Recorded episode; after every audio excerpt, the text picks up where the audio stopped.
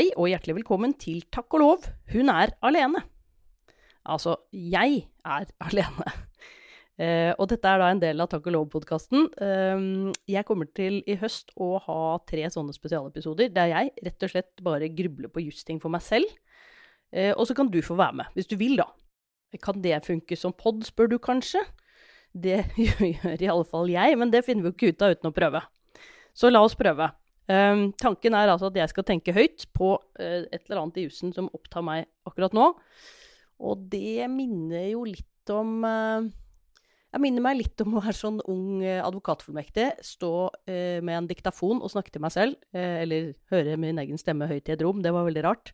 Vi fikk nemlig streng beskjed om at vi skulle diktere, ikke skrive på PC selv. Fordi um, dette var jo på den tiden da vi skrev mest for hånd. Og da var jo de sekretærene som jobbet i advokatfirmaene, de var 100 ganger mer effektive enn oss til å skrive, så vi måtte diktere. Og det var jo ufattelig skummelt. Um, men det gjorde jo egentlig at uh, man ble vant til å høre sin egen stemme. Det kan jo være både positivt og negativt. Men også at uh, man ble mer trenet til å formulere seg i hele setninger ut fra stikkord på et ark. Og det kom jo godt med i, eh, både da jeg skulle prosedere ting, og også senere når jeg har prøvd å snakke om ting eh, offentlig.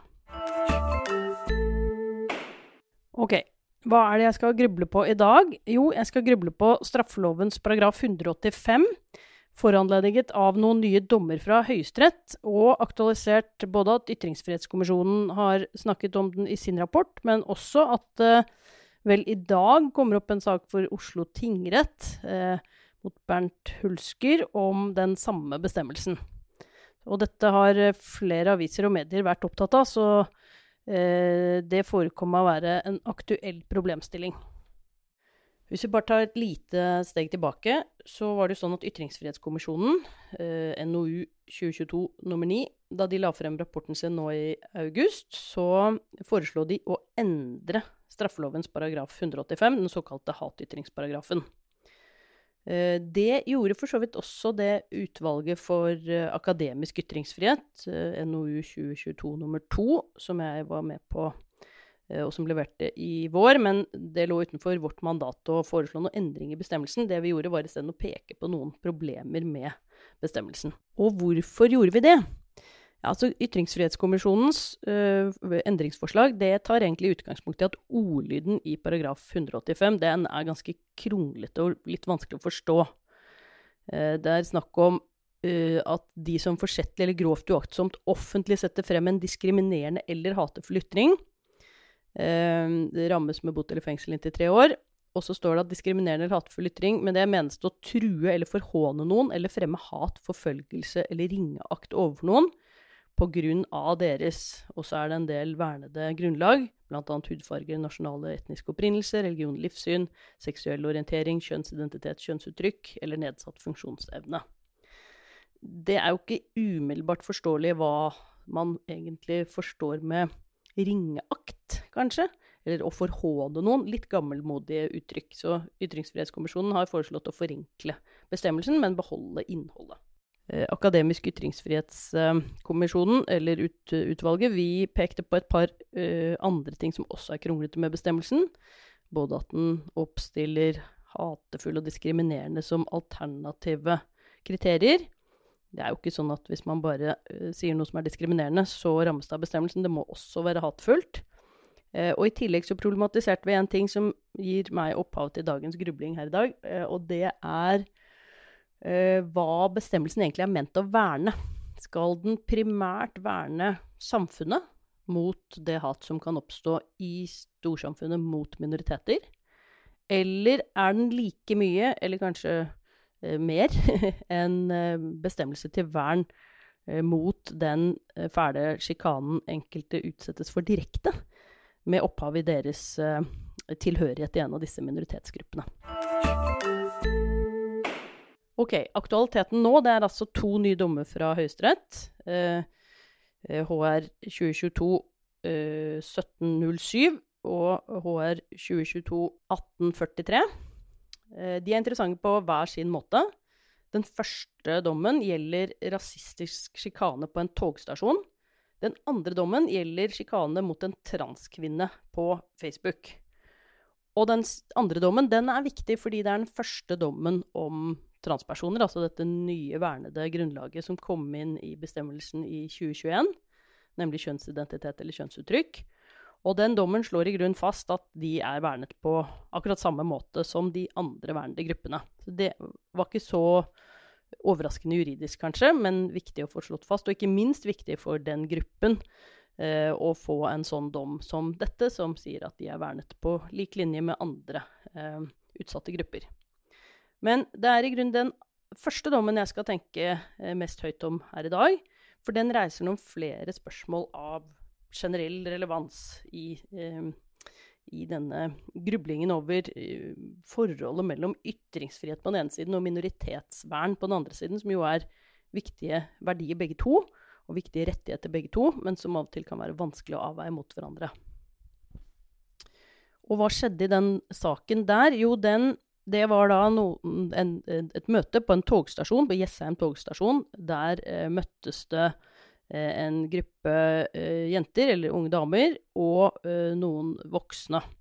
Og det som skjedde, det var altså en beruset mann på 57 år som overfor et barn, da, teknisk sett, på 16 år og 10 måneder, sa etter å ha innledet en ja, ikke så hyggelig ordveksling, og det tok seg opp med med utveksling fra begge sider.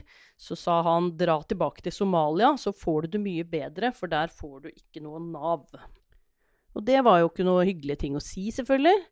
Um, og flertallet i saken, det var en dissensdom, dette her, tre mot to. Flertallet tolket utsagnet som diskrim et diskriminerende personangrep fordi det var knyttet til hennes afrikanske bakgrunn, hudfarge eller religion.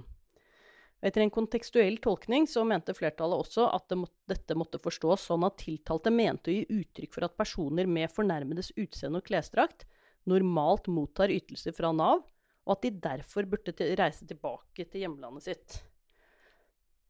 Den tolkningen er jo ø, mulig, og plausibel kanskje, men det er jo ikke den eneste mulige tolkningen av det utsagnet.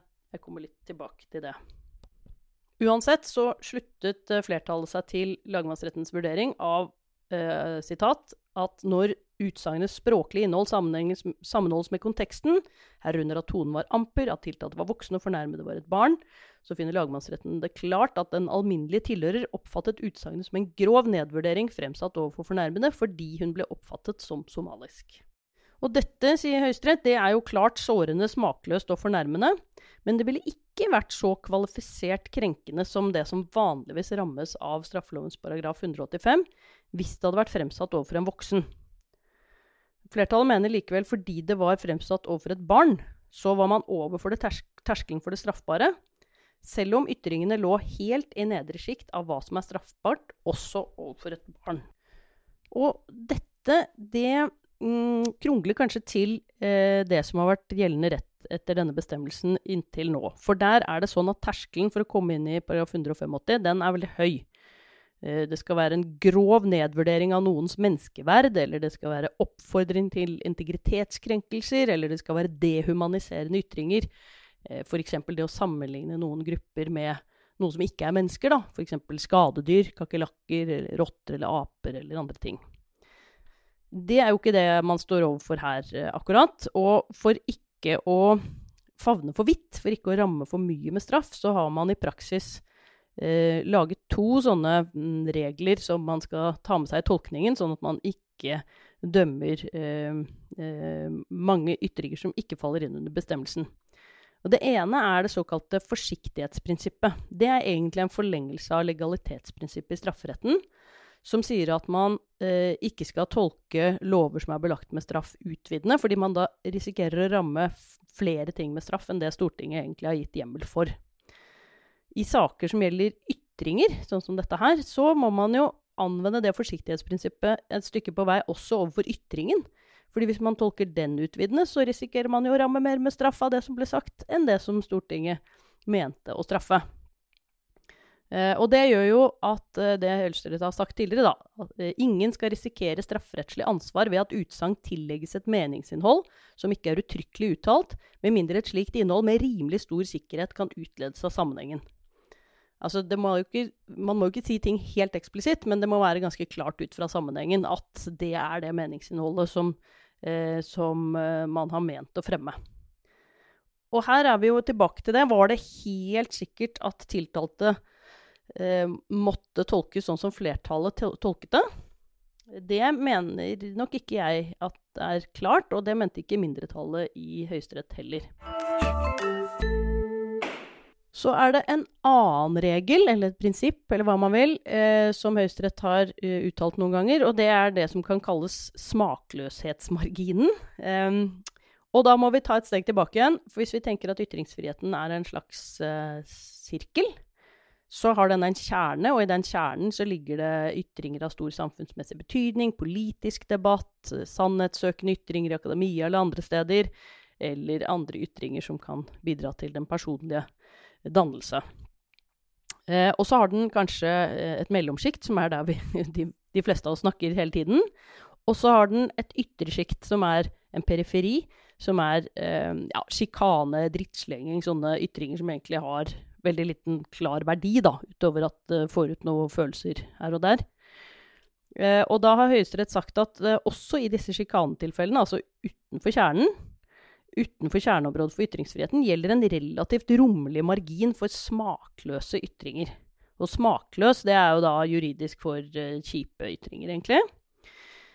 Det er ikke helt godt å se hva som er igjen av den marginen når det utsagnet som her var til prøve, nemlig 'dra tilbake til Somalia, for der får du ikke noe Nav', at det Eh, er over terskelen for det som burde være slingringsmonn for etter denne eh, smakløshetsmarginen.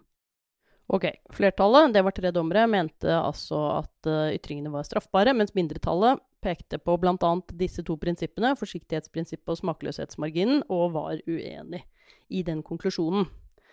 Uh, og jeg er nok mest enig med mindretallet, og det gjorde også at jeg skrev en, en liten eh, kommentar til denne dommen, som er publisert på Juridika.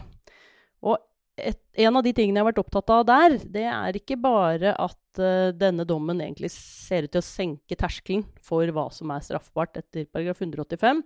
Det er også at den, og for så vidt den siste dommen om uh, sjikane mot en transkvinne på Facebook, de er begge eksempler på det som har vært hoveddelen av praksis om paragraf 185 i Høyesterett det siste tiåret. Og det er eh, saker hvor, som egentlig handler om personrettet sjikane mot eh, enkeltpersoner eh, som følge av at de tilhører en eller annen av disse vernede gruppene. Og det er jo viktig å verne mot. Jeg skulle ikke ha den type drittslenging og sjikane, selvfølgelig. Eh, og det finnes også iallfall ett annet straffebud som kan ramme det, nemlig straffelovens paragraf 266 om personforfølgelse, som også kan ramme sjikane i noen tilfeller. Eh, og, og, da vil det være straff, kunne være straffskjerpende at uh, sjikanen er rettet mot noen pga. deres minoritetstilhørighet. En annen kategori av saker som rammes av paragraf 185, det er jo saker der uh, hatefulle ytringer fremsettes uh, overfor grupper mer generelt, altså ikke direkte til én eller to eller noen personer, men om en gruppe, f.eks. muslimer eller jøder eller andre som er utsatte. Den type saker var det en del av på slutten av 90-tallet og begynnelsen av 2000-tallet. De er mye vanskeligere, for der er man i kjernen av ytringsfriheten. Der er det liksom de politiske ytringene, og, og da får man en mye vanskeligere avveining mellom ytringsfrihet på den ene siden og minoritetsvern på den andre siden. Men hvis du ser på hvor paragraf 185 står i straffeloven, så står den i kapittel 20. Og kapittel 20 har bestemmelser til vern om den offentlige ro, orden og sikkerhet.